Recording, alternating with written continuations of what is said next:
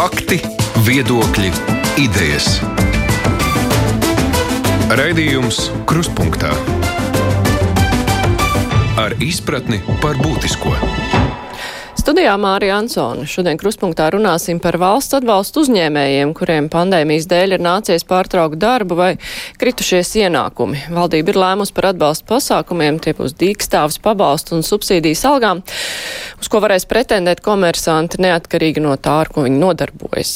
Bet vai atbalsta pasākumi ir pietiekoši un saulaicīgi, un kas notiks, ja dīkstāvu sāksim vēl, sāksies vēl plašākam uzņēmumu lokam un ievilksies ilgākā laika posmā? Par to tad mēs runāsim šodien raidījumā. Kopā ar mums ir SEB bankas makroekonomikas eksperts Dainis Kašpoits. Labdien! Labdien! Tāpat arī Lienīta Caunē, nodokļu konsultāciju uzņēmuma CBB konsultāciju birojas. Labdien! Labdien! Girts Majors, Latvijas pasākumu rīkotāju un pasākumu producentu padomas priekšsēdētājs, sveicināti! Sveicināti! Kā arī ekonomikas ministrijas uzņēmē darbības konkurētspējas departamenta direktors Kristaps Soms. Labdien! Labdien!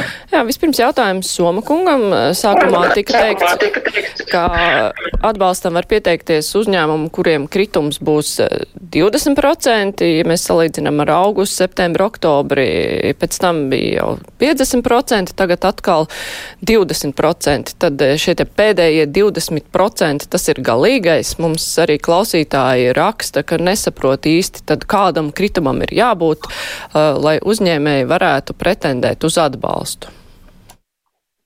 Jā, nu šodien ministrs kabinets burtiski no rīta pusē pieņēma precizējumus attiecībā uz šo krīzes atbalstu, gan uz dīkstās, gan uz algu subsīdiju, tad uz dīkstās pabalstiem.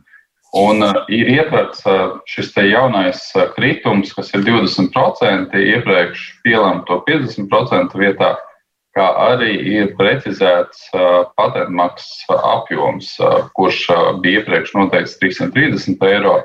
Tad šodien, šodien tika nolēmts, ka patentu maksas maksātājs saņems 400 eiro.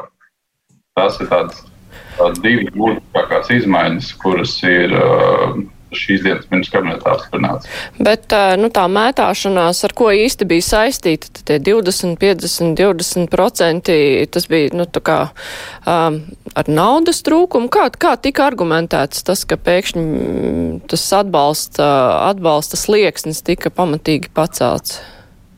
Ja, nu, tas bija 50%. Viņi ne, šis nebija ekonomikas ministrijas pavērs priekšlikums, šis lēmums radās ministra kabineta sēdē diskutējot par dīkstāvs risinājumu.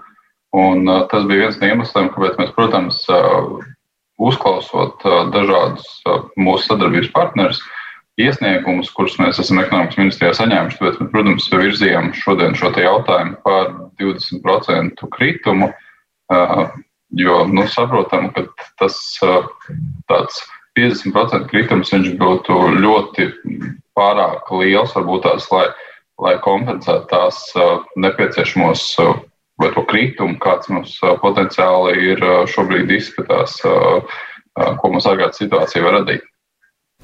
Bet nu, šie tādi svaidīgi viedokļi un arī nu, pretrunīga komunikācija, vai tas atstāja pēdas ekonomikā, Gašpaitkungs, kā jums šķiet? Nu, protams, katrā ziņā uzņēmējiem ir grūti ar kaut ko rēķināties, jo ir skaidrs arī, ka šie 20% varētu būt pietiekami nu, tāds uh, mainīgs uh, lielums, uh, ja, piemēram, mēs ņemam vērā šo pašreizējo situāciju, bet, piemēram, ja šie, teiksim tā, ierobežojumi mainās, tad noteiktos apstākļos tie 20% teiksim, arī kļūst tāds nosacīts jēdziens, jo, jo pietiekami daudz uzņēmēju jau šobrīd, eh, arī, ja mēs runājam par šo trešo ceturksni un atgūšanos, jau nepiedzīvoja tik spēcīgu atgūšanos, un arī no šīs bāzes mīnus 20% tas ir. Eh, daudziem jau tas būtu jau, eh, skatoties ar gada sākumu, jau tas kritums būtu krietni dziļš. Ja? Līdz ar to noteikti, ka šie, šis, šis, šis teikt, slieksnis varētu būt, nu, neteiksim pārskatāms, bet katrā ziņā uh, monitorējums. Jā, varbūt noteikti, ka varbūt noteiktas, noteiktas uzņēmēja darbība, noteikti uzņēmēja darbības veidi, kur būtu nepieciešams varbūt jau nāk palīgā pie nedaudz mazāka krituma, ja, jo mēs jau esam otrajā vilnī slieksnis vai arī atskaites punkts būtu maināms? O, jo ļoti daudz iz, izbrīna, kāpēc ir izvēlēti tieši šie trīs mēneši, kad bija nozars, kuras e, galīgi nevarēja vēl paspēt atkopties, uz kurām joprojām bija ierobežojumi attiecināt, kas nevarēja vienkārši pelnīt vairāk. Nu, tieši tā, nu, te būtu, protams, modelējums tieši ar pašiem uzņēmējiem, vai ņemt to atskaites punktu, teiksim, tos 20%, un tā attiecīgi varbūt ņemt to atskaites punktu, kas tiek skatīti kā šobrīd, un tad varbūt samazināt šos procentus. Un te, protams, es teiktu, ka ir variācijas, ja, bet nu, kopumā tas pašreizējais slieksnis tik un tā varētu būt nedaudz par augstu noteiktiem uzņēmējiem, ņemot vērā to, ka tiešām ir pietiekami daudz sfēras, kur tā atgūšanās nav bijusi. Jā, jautājums arī pārējiem, kā jūs vērtējat šo te lēmumu pieņemšanas veidu nu, un komunikāciju, kā tas viss ir noticis, gan tas, ka ir uh, bijuši pretrunīgi viedokļi, gan uh, ziņas par to, kas ta galu galā būs, ir uh, laiku pa laikam mainījies, Cauns kundze.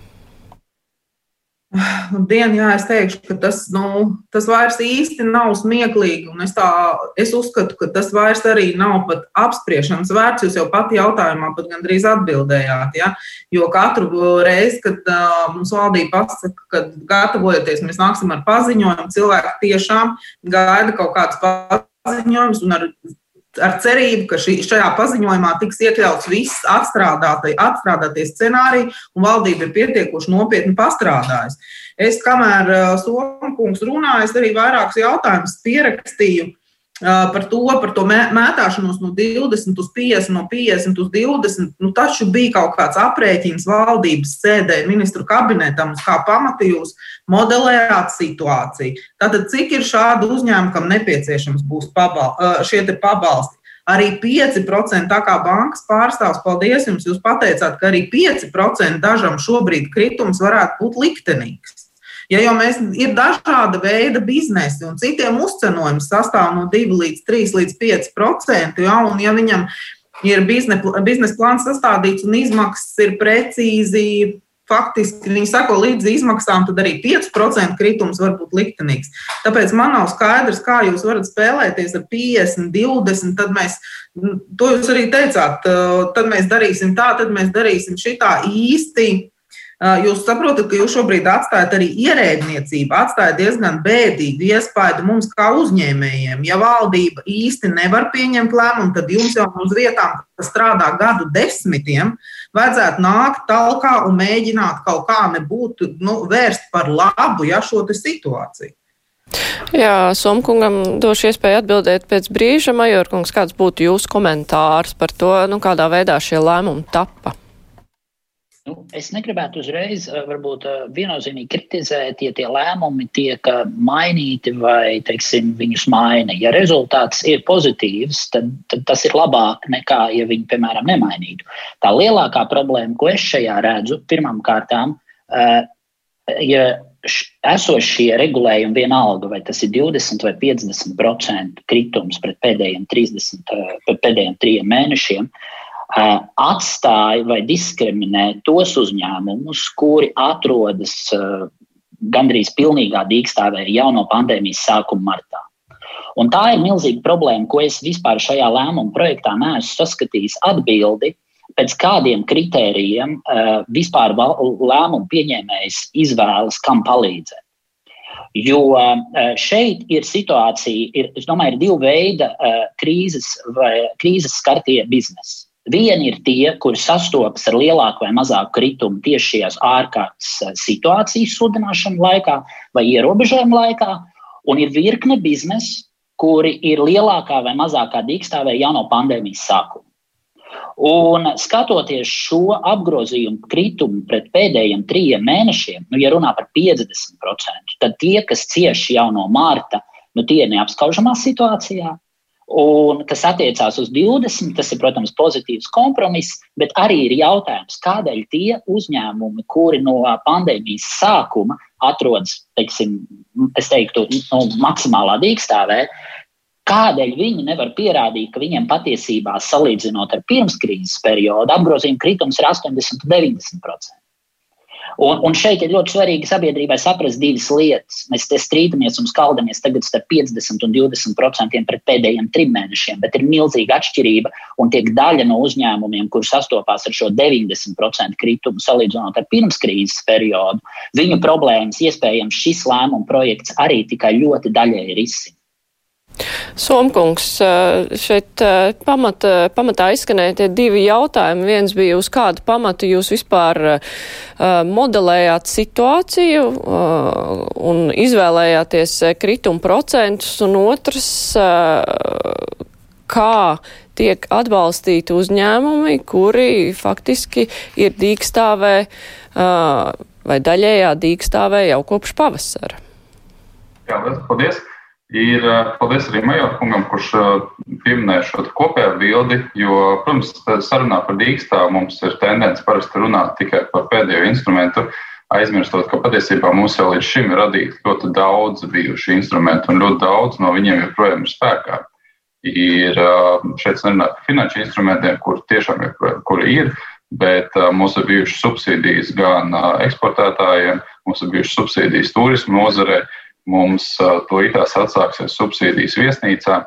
Tā kā dīkstāve, daļai algu subsīdija ir tikai daži, divi no daudziem atbalsta mehānismiem.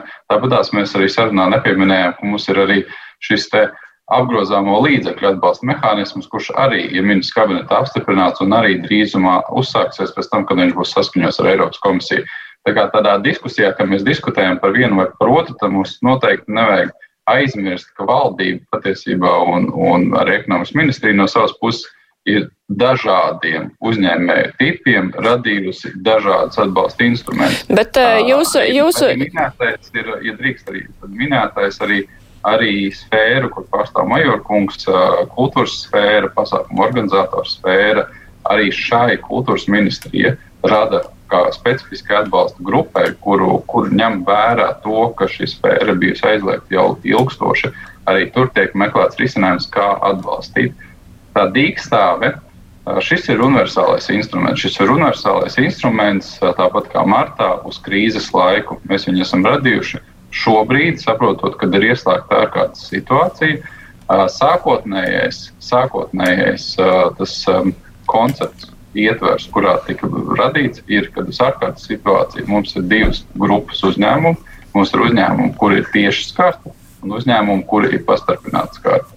Un tie uzņēmumiem, kuriem tieši skartiem bija domāts dīkstāvs pabalsts, un uzņēmumiem, kuri pastatināts skartiem bija domāts algu subsīdijas. Bet vai, bet vai jums eh, ministrijā ir pārliecība, ka šīs te, šie te dažādie atbalsta mehānismi, subsīdijas eksportam, turismam, eh, atbalsts, ko kultūras ministrija organizē, un tas, ko tagad uh, ekonomikas ministrija ir piedāvājusi, ka tas patiešām noklās visu?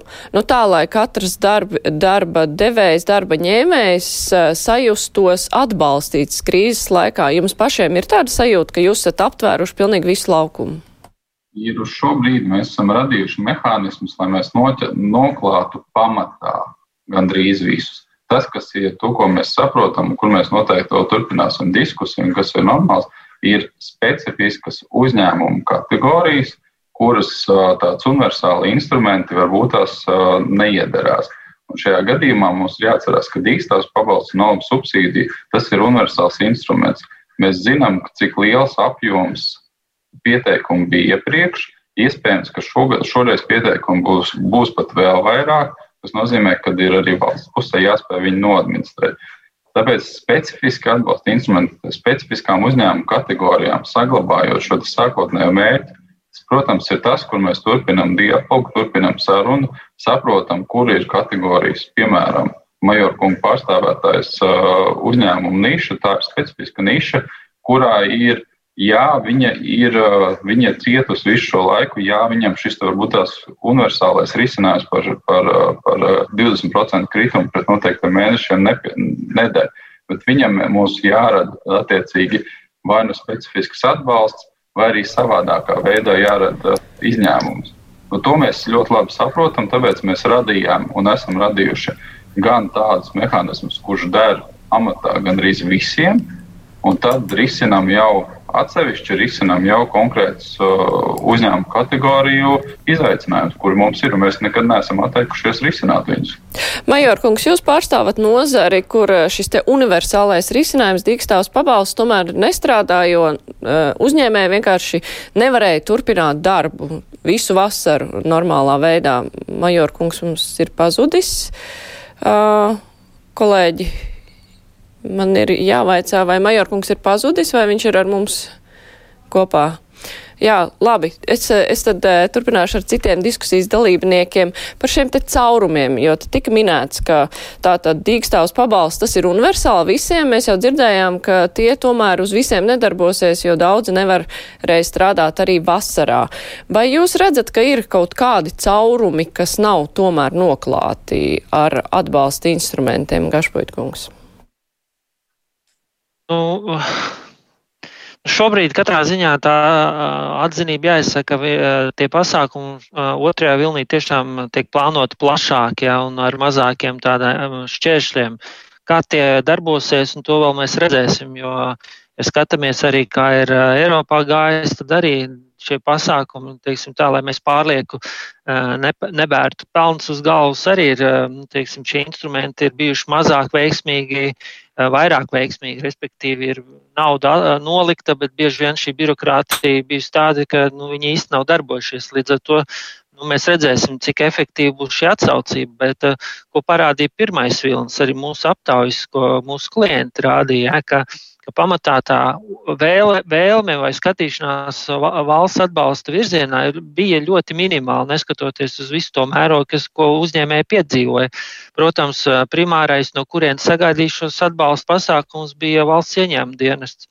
Tas, ko es redzētu šobrīd, es ņemot vērā to, ka visticamāk šīs sarežģītais laiks vēl būs nu, dažus mēnešus maz priekšu, Nu, es skatītos, ka tomēr varētu vēl paplašināt eh, nu, šos, eh, šos potenciālos atbalsta pasākums nozarē, piemēram, skat, pask, atceļot uz kaut kādu laiku šo te pievienotā vērtības nodokli, ja, kas būtu diezgan labs atspējas, tīpaši, ja mēs redzam, kā šī nozare cīnās pat tie, kas eh, nu, nav šo te darbību izbeiguši, bet ir atstājuši kaut nelielu darbību, ja, nu, un, nu, teiksim tā, tas sloks ir pietiekami liels, un tā skaitā droši vien būtu jāpaskatās, ka ir atbalsts nu, teiksim, no valsts puses saistībā ar dažādu šo fiksēto maksājumu nomaksu, kur, protams, kā es saprotu, zināms subsīdijas apjoms tiek plānots, bet nu, tur jāskatās, vai nav nepieciešams palielināt. Respektīvi, šie komunālie maksājumi, kas ir milzīgi tekošie īres maksas. Ja, kur, protams, ir atbalsts šobrīd, ka valsts vai pašvaldība var eh, sniegt atbalstu. Bet, ja skatāmies pirmo vilni, tad eh, kaimiņu valsts piedāvāja zināmu līdzfinansējumu tam, ka tiek samazināta īres maksa, kuru nu, daļu sadalas valsts un pats izīrētājs. Ja? Un, attiecīgi, arī īrnieks spēja nu, teiksim, šo te īres maksu mazāk maksāt kas attiecīgi arī ļautu nu, noteikti pietiekami lielam šim biznesa apjomam, atsākoties darbībai, eh, nu, nu, teiksim, tā ilgstoši eh, nu, teiksim, tā nenīkuļot jā, un eh, neturēties ēnās, jo ir skaidrs, ka uz šiem mēnešiem šis fiksētais maksas sloks uzkrāsies pietiekami nozīmīgs. Jā, Major kungs ir atgriezies. Mēs apstājāmies pie jums kā pie nozars pārstāve, kuram uh, kura īsti nevarēja darboties pilnā apmērā vasarā. Tas nozīmē, ka dīkstāvs pabalsti uz jums neatiecās uh, tik labi, ka nu, to varētu uzskatīt par universālo palīdzību. Kādus, uh, vai jūs redzat reālus caurumus tajā atbalstā, ko nozara ir saņēmusi, ja mēs runājam arī par šiem te pārējiem atbalsta veidiem, kas ir nākuši tur caur kultūras, kultūras ministriju iepriekš pieņemtiem lēmumiem? Jā, nu es gribētu kultūras ministrijā eh, mums kopīgi radīto šo atbalsta mehānismu, kurš mūsu nozares uzņēmumiem palīdzēja sekt eh, ļoti gan minimālā apjomā, bet tas viennozīmīgi ir labāk nekā nekas tieši šīs fiksētās izmaksas. Jo mums ir infrastruktūras izņēmumi no, nozarē, kuri, kuros, kuras, kas ir telpas, kuros nav notikuši pasākumi no marta. Un, protams, ka šie uzņēmumi, manuprāt, ir glābjami. Bet tas, kas, uh, kas ir svarīgi priekš nākotnes, jo mūs, mēs arī uh, uzskatām, ka vismaz līdz vasarai mūsu darbība būs tikpat lielā mērā ierobežota kā līdz šim, uh, ir ļoti svarīgi saprast, vai uh, 21. gadā mēs varam cerēt arī uz šiem, uz šiem spe, speciālajiem palīdzības līdzekļiem, kur, protams, šobrīd nekāda atbilde nav.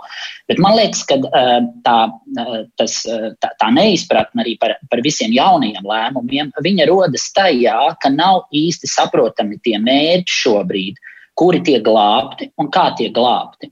Jo, jo piemēram, nu nevar izveidoties situācija, ka universālie atbalsta līdzekļi, piemēram, palīdz tiem, kas īstermiņā cieš, un, un, un šie atbalsta rīki risina tādas problēmas, kādas nerisina tiem speciālie rīki tiem uzņēmumiem, kur cieš no Marta. Jā. Vai arī, piemēram, nav nodefinētas, kuras ir tās superskartās nozares. Un daļai no šīm nozarei, piemēram, viesnīcas nozarei, šobrīd ir spēkā uh, daži speciāli atbalsti tādi, kāda nav, piemēram, mūsu nozarē, kas iespējams ir tikpat skarta nozare, kur es runāju par šiem infrastruktūras objektiem, jo mēs, teiksim, viesnīcas varam pielīdzināt uh, kultūras privātajiem infrastruktūras objektiem. Un šeit ir ļoti daudz dažādas, teiksim, nianses, kuras rada tādu nevienlīdzības un īstenībā arī konkurences kropļojošu uh, situāciju. Un otra lieta, kas nav skaidrs, nav skaidrs, uz ko ir vispār vērsti šie atbalsta mehānismi. Vai viņi ir vērsti tikai un vienīgi uz kaut kādu īstermiņa problēmu risināšanu, uz bezdarba neļaušanu pieaugt, vai tomēr tiek meklēti risinājumi, lai atbalsta mehānismi palīdz izdzīvot tiem uzņēmumiem, kuriem, ir, eh, kuri, kuriem vajadzētu ļaut izdzīvot, lai pēc krīzes viņi maksimāli ātri var atsākt savu darbību uh, normālā apjomā. Un, un es neredzu šobrīd tajos lēmumos tādu kvalitatīvi izsvērtu aspektu šī ziņā. Jo, protams, ka šie lēmumi top ļoti nu, salīdzinoši lielā steigā vai īsā laika posmā, un var just, ka ļoti daudz lietas nav līdz galam eh, teiksim, eh, izsvērtas. Un, un, un pati trakākā lieta arī ir no pavasara. Tie sākuma uzstādījumi jau bija ļoti pozitīvi, bet tikai pēc pēdējā, pēc pirmā mēneša uh, pieteikumu izskatīšanas ļoti daudz, kas tika konstatēts, cik daudz uzņēmumu varēja kvalificēties. Un dabā šie rīki, es domāju, tagad universālie rīki, nu, viņi, nu, viņi nestrādāja tik efektīvi, kā droši vien lēmumu pieņēmējs bija cerējis. Cauns kundze, kā jūs varētu papildināt uh, diskusiju par caurumiem, kuros iekrīt uzņēmēji? Caurumiem šobrīd nerunāšu, tāpēc, ka jāpaskatās, kā tiešām šobrīd veiksies ar šiem instrumentiem šobrīd, bet tas, ko vajadzētu jau sākt translēt no valdības mājas visiem uzņēmējiem, ka viņiem ir plāns arī pēc pandēmijas periodā. Faktiski nodrošināt miera, mierīgu situāciju šiem grūtībās nonākušajiem uzņēmumiem. Ja jau mēs ļoti labi saprotam, ja, ka dīkstāve vai kaut kāda auga subsidēšana vien nevarēs saglabāt visu uzņēmumu un radīsies virkni uzņēmumiem problēmas ar maksātspēju. Tāpēc arī jābūt kaut kādam instrumentārijam un likumdošanas aktiem jau būtu jābūt iestrādes stadijā, lai mēs saprastu, kā tad mūs pēc tam faktiski likumdošana pasargās no, no tā brīža, kad šīs ārkārtas situācija būs beigusies Un vai ne, neradīsies tāda, tāda iespēja, piemēram, kreditoriem pārņemt vājākos uzņēmumus, kur varētu vēl strādāt un būt pilnvērtīgi, pilnvērtīgi nodokļu maksātāji. Par to es šobrīd domāju, jo nu, caurumus aizlāpīt. Mēs jau te nevaram atvērt visu fronti. Majorkungs runā ļoti labi, ka ir nozarē šādi karognesēji saucamie, ja, kas par savu nozari var vismaz piedalīties darba grupās, bet ne jau visās nozarēs to var noklāt un vienalga parādīsies tad, kad šis mehānisms tiek, tiks iedarbināts. Es runāju par to otro vilni un šobrīd un, nu, meha, instrumentārie mehānismi. Šobrīd vienalga būs kaut kādas lietas, ar kurām biznesa nebūs apmierināts. Jā, es nolasīšu vienu klausītāju vēstuli. Klausītājs raksta tā, ka 26. oktobrī tika pieņemts lēmums slēgt bērnu izklaides vietas. Šajos uzņēmumos sākās ārkārtas stāvoklis, nevis 9. decembrī. Līdz šai dienai uzņēmumiem nav nekāda atbalsta, nav pat atbildes uz mūsu rakstītajām vēstulēm, ne no vidu, nekādas no atbildīgajām ministrijām. Ir tikai informācija no publiskās telpas par atbalstu darbiniekiem, bet realitātē šobrīd nav nekas. Un par uzņēmumu neviens nerunā. Kā ar nodokļiem, īres maksām, citām finansēm finansiālajām saistībām, kāda jēga no dīkstāvis, ja uzņēmums ir bankrota priekšā. Somkungs, ko jūs varētu atbildēt? Cilvēki, kas gaida no oktobra beigām, viņiem nav atbalsta nekāda. Kā jau teicu, tad šis tēma, kur mēs runājam šodien, dīkstāvi un algu subsīdija, arī tie pamatā ir paredzētos periodi, kas sākās līdz ar ārkārtas situācijas ieviešanu. Ir, un, protams, mēs saprotam, ka, kad ir uzņēmēju grupas, kuras ir bijušas tādā vai veid, otrā veidā ietekmētas jau pirms šī ārkārtas situācijas un lēmumu pieņemšanas.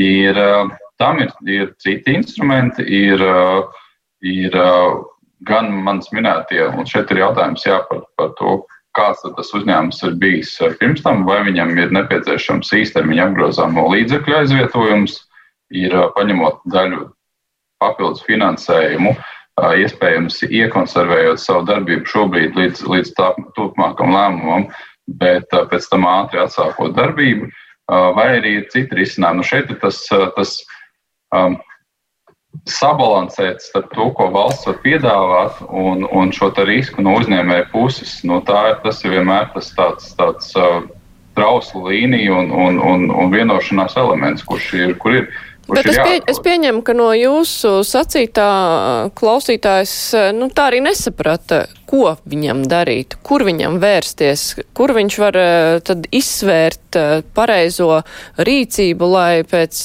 tam, ka viņš varēs sākt darboties, viņš jau nebūtu sen izbeidzies vienkārši nu, kā uzņēmums? Šobrīd ir, nu, nezinot konkrētu uzņēmumu, nezinot, kāds ir viņa šī brīža šīs te uzņēmējdarbības nu, tās iepriekšējās tur vai nu saistības vai no kapitāla apjoms un kas ir noticis ar darbiniekiem, man ir ļoti grūti atbildēt uz vienu tādu specifisku jautājumu. Tas, ko viņš var noteikti darīt, viņš var skatīties uz altumu programmām, viņš var noteikti skatīties uz nodokļu atlikšanu un pagarināšanu, kas arī nav nekur pazudus šis iespēja atlikt nodokļu nomaksas pēc trīs gadiem, un viņi tiks pagarināti ir, ir, ja viņam nav neizpildās šis nosacījums par 20% kritumu pagaidām, kā viņš ir ministrs kabinetā apstiprināts par pret attiecīgiem mēnešiem, nu, diemžēl augu subsīdijā viņš iespējams nevar kvalificēties. Nu, bet, kā es teicu, šīs ir atsevišķas specifiskas grupas uzņēmumu, kuri mums ir zināmi, kuri mums šobrīd tagad parādīsies ko, uz, uz kopējā laukuma, nu, kuriem mēs skatīsimies, ko mēs varam darīt.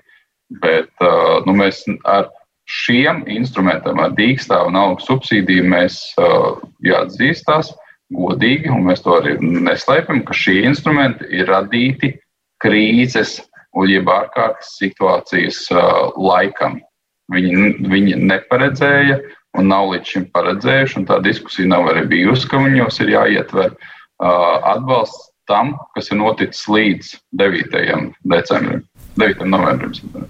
Tas nozīmē, ka visi valdības lēmumi par jebkā ierobežošanu pirms ārkārtas stāvokļa nu, ir kā nu, ne jau nu dūriens mugurā uzņēmējiem, bet uh, viņi ir nostādīti nelabvēlīgākā situācijā nekā tie lēmumi, kas uh, sākās pēc ārkārtējās situācijas.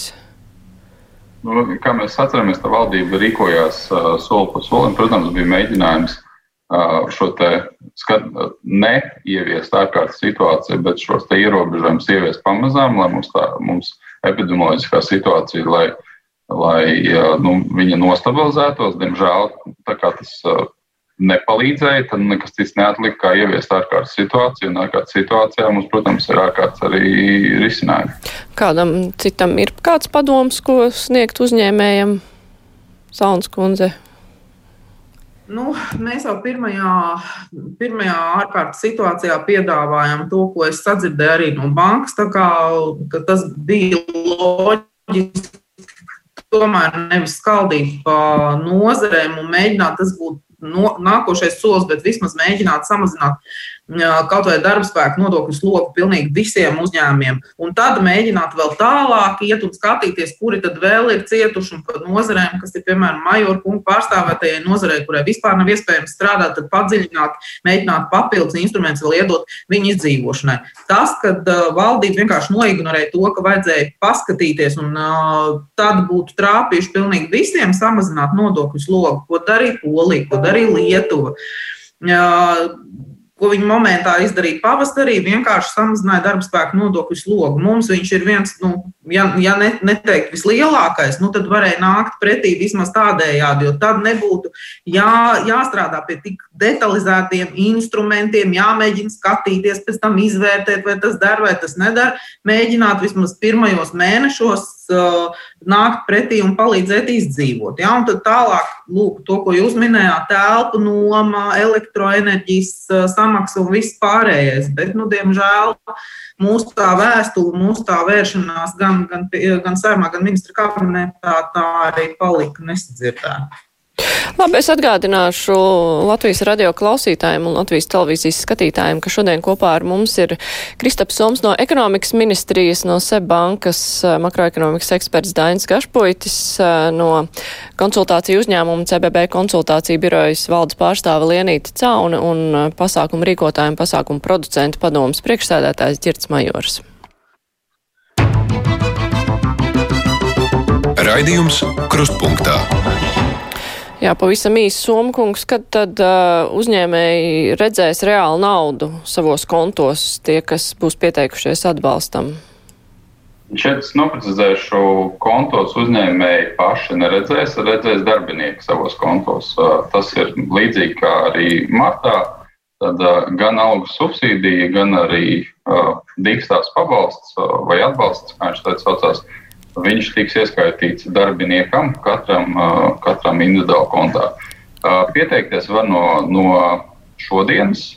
Ir, ir valsts dienests, ir, nu, būs gatavs un, un varēs iesniegt iesniegumus. Un tālāk jau ir noteikumos noteikts, ka piecu dienu laikā no pieteikuma iesniegšanas dienas šis iesniegums ir jāizvērtē un jāveic izmaksas. Pašnodarbinātie patentu maksātāji arī jā. var pieteikties Šī... un skaitīs tieši viņiem. Jā, ah, jā. Būtiskākā nianses ir tāda, ka uh, šajā dīkstāvē ir ietverta arī patentu maksātāji, atšķirībā no Marta, kur Martā patentu maksātājiem nebija atbalsta.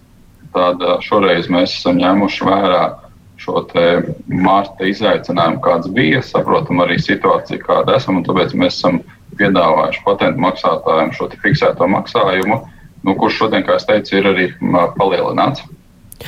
Uh, šis laiks, cik ilgi jāgaida līdz atbalstam, tas ir nu, pārāk ilgs, pārāk garš, normāls, Gašpaita kungs, kā jums šķiet, ja mēs tā skatāmies, nu, tādu iespēju iztikt vienam uzņēmumam, kuram ir arī visādi maksājumi, vai pašnodarbinātajam, kurš parasti vispār dzīvo no tās naudas, ko viņš nopelna tiem, kam šī, šī situācija jau sarežģīta labu laiku, protams, ka nu, šis ir nu, teiksim, uztverams kā diezgan ilga kavēšanās, bet nu, katrā ziņā jācer, ka turpmākie šī naudas pieejamība būs ļoti ātra. Es teiktu, ka pirmais vilnis varētu kalpot kā teiksim, labs, laba mācība, lai mēs to izdarītu ļoti ātri. Un jāsaka, ka kopumā jau tāda liela aizkavēšanos arī nebija. Varbūt kā, kā šeit arī, kā jūs minējāt, rakst, klausītājs rakstīja, ka varbūt liela daļa, kas, kam šī situācija jau iepriekš radās ar sarežģījumiem, viņiem varētu būt nu, teiksim, šis periods ļoti ilgstošs, lai kamēr viņi tiks pie līdzekļiem. Bet šeit arī, protams, parādās caurums viens, ko mēs runājam saistībā ar tiem, kas saņem šīs dīkstāvas pabalstus, ka daļa nekvalificējās, jo viņiem šī sociāla apdrošināšana neskaitās no tā. Tādēļ, manuprāt, arī šis viens no tādiem caurumiem, kas šobrīd nu, tā, prasās pēc korekcijām, ja, nu, kas, kas varētu arī norādīt to, ka nu, daļai, daļai varbūt nu, šī, šī, šī, šīs palīdzības nākšana nesola to, ko viņi varbūt gaidīja. Ja, šis caurums arī prasās pēc aizlāpīšanas. Mm -hmm. Ja mēs runājam es par. Par šo te ir mēs attiecībā uz šo te mazāk nodrošināto sociālo grupu.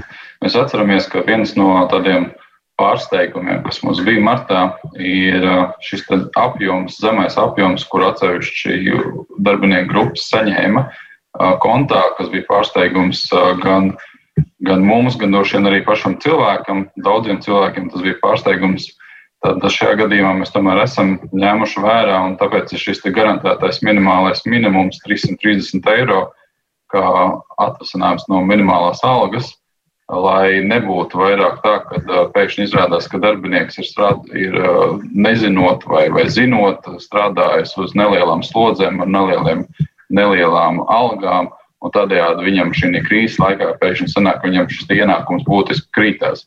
Tāpēc to mēs esam arī ņēmuši vērā un šo sociālo prizmu un sociālo aizsardzību esam iestrādājuši dīkstāvē, tāpēc, kā arī esam iestrādājuši šo te bērnu jautājumu, kad papildus 50 eiro par bērnu tiem vecākiem, kuriem ir šis, kuriem ir šis atvases, kad viņiem tiks piemaksāts klāt. Tā kā tāds no sociālā aspekta mēs teiksim, esam plats solis spēruši uz priekšu, lai, lai nebūtu vairāk tāda, tādi gadiem, kādi bija martā. Mm -hmm. Caunskundas tas solis ir pietiekoši plats. Jo kritika par to, ka tika piesaistīts sociālajām iemaksām, tā jau izskanēja iepriekš arī. Caunskundas, vai jūs dzirdat mūs? Izskatās, ka tur ir kaut kas atkal. Ah. Jā, jautājums ir, vai tas solis, runājot par piesaisti pie sociālajiem maksājumiem, kas tagad uh, nav tik cieši sasaistīts, vai tas ir uh, pietiekoši liels solis uz priekšu, lai cilvēki, kuri strādājuši kādā citā nodokļa režīmā, kaut vai, uh, lai būtu arī pietiekami tagad aizsargāti? Nu, to vajadzēja darīt arī uh, faktiski martā, šis nav īstais laiks dalīt uh, labajos un sliktajos nodokļu maksātājos, manuprāt. To varēja pēc tam izvērtēt. Šobrīd būtu jāglābj jebkurš uh, iespējamais darba devējs, kurš ir stabili strādājis savā nu, nozarē un ir bijis ilgstoši kaut vai nodokļu maksātājs. Ja? Nu, un ko mēs šobrīd jau, kāpēc es uzsvēru iepriekš par to, ka būtu kaut kas vismaz jādod cilvēkiem kaut kāda cerība nākotnē, ja? jo šobrīd ir noskaņojums uzņēmējiem diezgan bēdīgs, izvērtējot tos nodokļu politikas piedāvājums, kas faktiski ļoti strauji, nu, varētu teikt, nestraujā tempā, bet ignorējot jebkurus no, nu, uzņēmēju iebildumus, vienkārši iet saimā uz urā. Ja, tā kā nu, jautājums ir tagad par to, kā mēs, kā mēs dzīvosim pēc pandēmijas periodā. Es noprecizēšu, protams, šeit atzinību, jā, protams, ka tika ņemts vērā, kas notika pirmajā vilnī un ka šobrīd nu, šis sociālais pamats ir izveidots stabilāks, bet, nu, no, cik es saprotu, ka no, tiem, no šiem dīkstāvas pabalstiem nu, netiek maksāta sociāla apdrošināšana un neveidojās arī šis pensijas kapitāls. Manuprāt, tas bija tas caurums, ko es vairāk domāju, ja, kas, kas, eh, nu, manuprāt, eh, nu, tomēr ir pietiekami, nu, ka šīs sarežģītais periods pietiekami ilgs laiks un ka nu, to, tas būtu tomēr jāņem vērā eh, tādā ziņā. Tas, ka ir veikts tas, ka ir izveidots šis minimālais apjoms, tas, protams, ir apsveicami, jā, ka, nu, ka šis mazie, mazie apjomi, kas bija pirmajā, pirmajā vilnī, tiešām neradīja tādu pārliecību par valsts vēlmi tādu, pa, palīdzēt pēc būtības. Ja?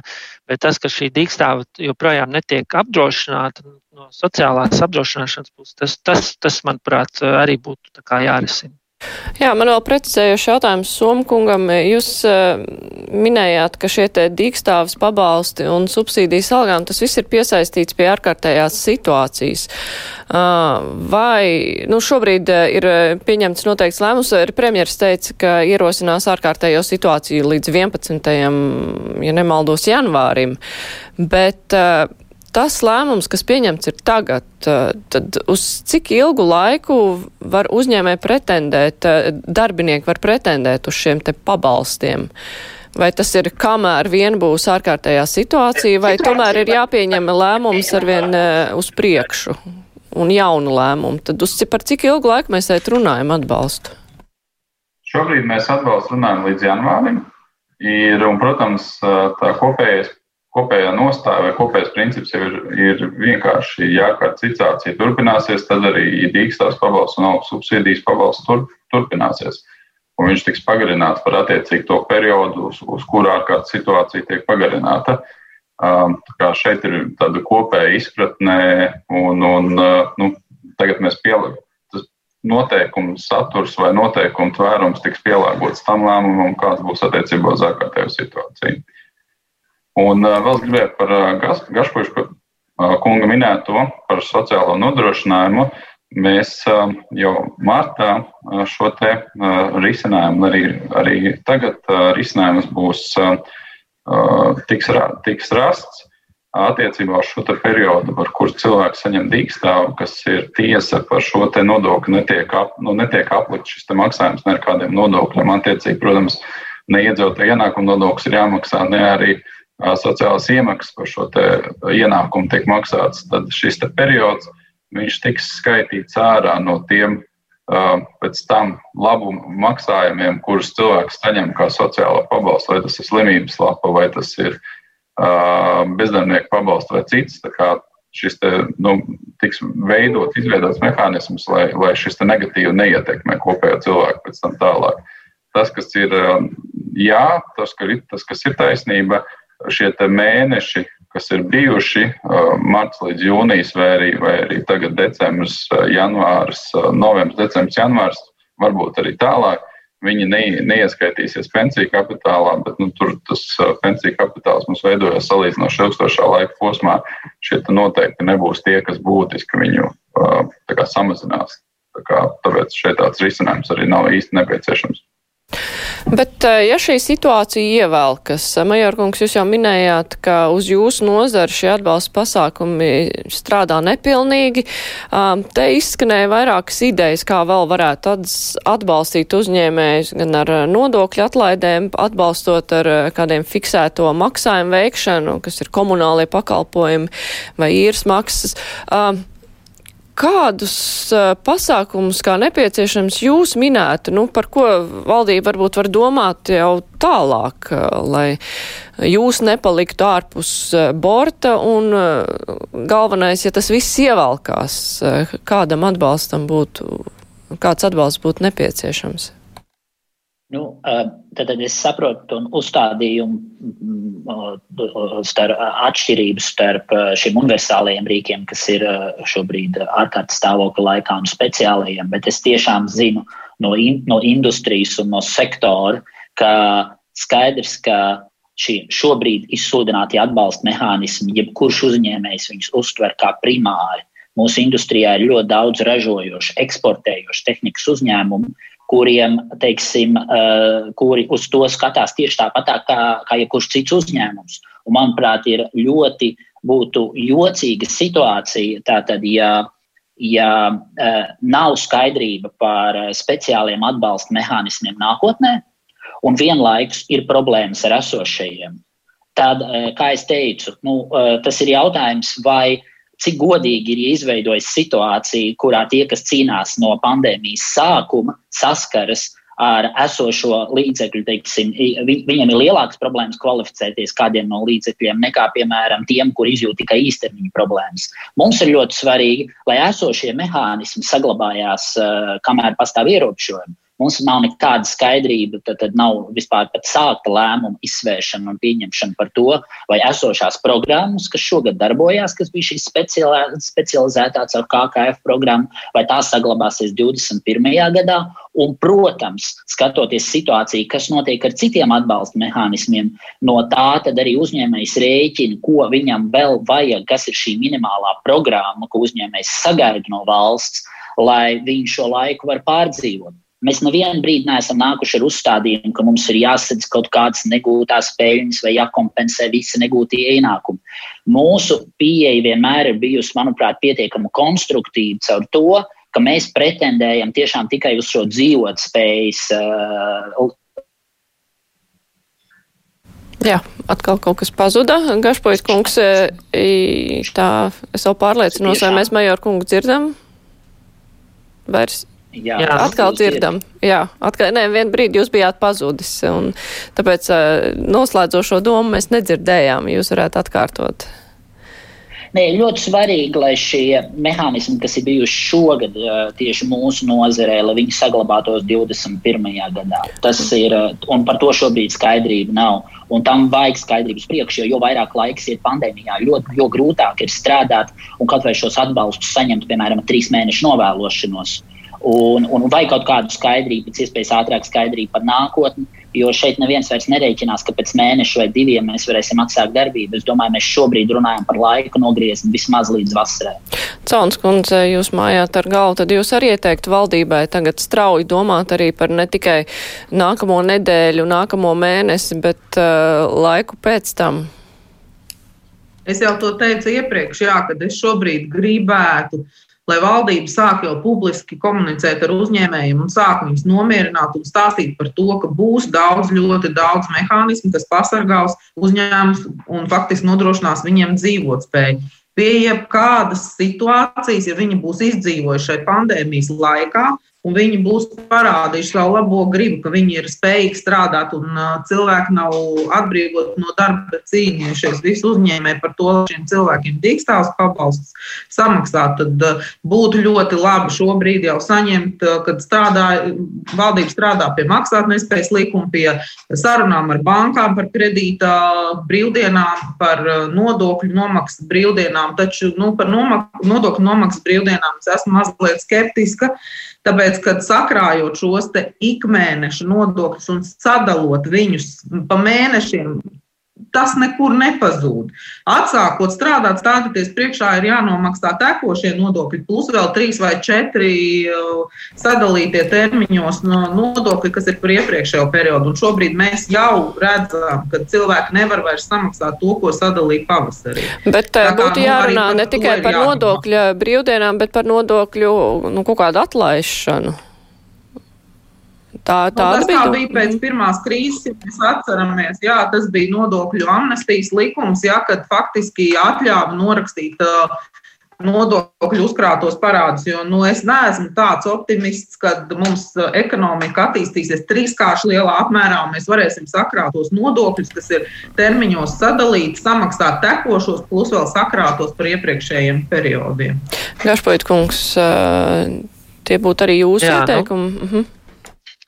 Katrā ziņā ir skaidrs, ka tas optimistiskais scenārijs, ka mums ārkārtas situācija nu, neilgst ilgstoši, bet katrā ziņā tā sezona un tas viss, kas, nu, teiksim, kas šobrīd ir apstādināts, nu, nespēs nākamgad, nu, gada pirmajā pusē nu, teiksim, atgūt to, kas ir pazaudēts. Tas nozīmē to, ka arī nu, jāreikinās, ka uz nākamo rudeni zinām ierobežojumi tomēr var joprojām pastāvēt, kas nozīmē tiešām, ka to slogu vajadzētu tā, novadīt tādu, lai viņš būtu samaksājams, lai mēs neradītu tādu iniciatīvu vai vēlmi turēties ēnās vai mēs piedzīvotu kaut kādas mākslīgās maksātnespējas procesus, ja, lai, lai tiktu vaļā no šiem um, parādiem, kas, kas nu, ekonomikā nekādā ziņā nenāks par labu. Un tādā ziņā uh, tiešām, jo universālāk būtu šie atbalsta pasākumi, uh, ļoti laikā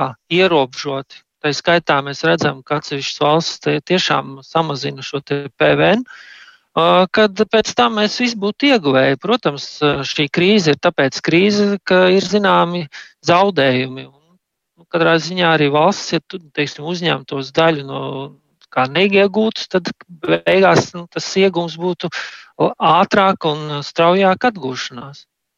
Somkungs. Katrā ziņā jāpieņemās, ka tas viss, ka viss, nāka, ka viss nākamo gadu būs nozars un uzņēmumi, kuriem, teiksim, jau sasniegums būs, ka ja viņi turpinās atkopties un, un, un tiešām, ja, jo mazāka būtu šī nasta, kas būtu velkama līdz šajos mēnešos, kas ir uzkrāta, jo katrā ziņā tas būtu teiksim, iegūms. Protams, šeit nu, ir jāstrādā ministrijām un ar iesaistītajām pusēm, lai atrastu optimālāko variantu. Jā.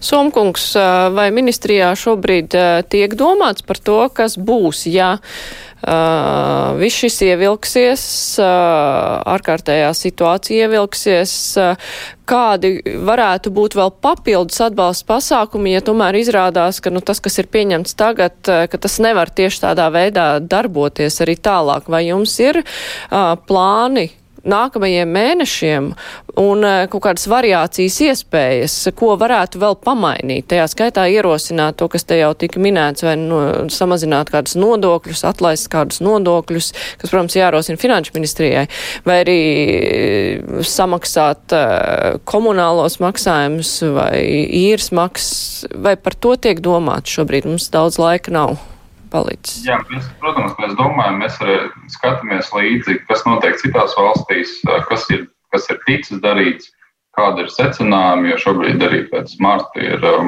mums ir, ir varam apzināt un mums pārstāv strādā arī citās valstīs, un viņi sniedz šo informāciju no tām valstīm, kas ir bijis labs, kas ir veiksmīgs, un, un kas ir tās nianses, kas tur ir bijušas izmantotas. Dažkārt mums tajā diskusijā mēs piesaucam kādu valsti, bet aizmirstam būtisku nianses tam instrumentam piesaukt. Tā kā to mēs, protams, skatāmies, un, un kas, man liekas, svarīgi bija šeit minētais, kad ir svarīgi skatīties nevis tikai uz to dienu pēc rītdienas, bet arī tālāk, jo mēs arī skatāmies, kas būs uh, ko mēs darīsim, tad, kad mēs nāksim ārā. Nu, beigsies situācija, viens ir šis situācija un, un brīdis pēc, tā kā beigsies situācija, ārkārtas situācija, es domāju. Bet nākamais jautājums ir, ko, kā mēs ātri ekonomika uh, ie, iekurināsim, atdzīvināsim uh, vai, vai, vai, vai nedodies, ne, ne, nepieļausim viņas apstāšanos tie, tajos sektoros, kur šobrīd ir uh, nodrošina šo ekonomikas uh, pašu kodolu.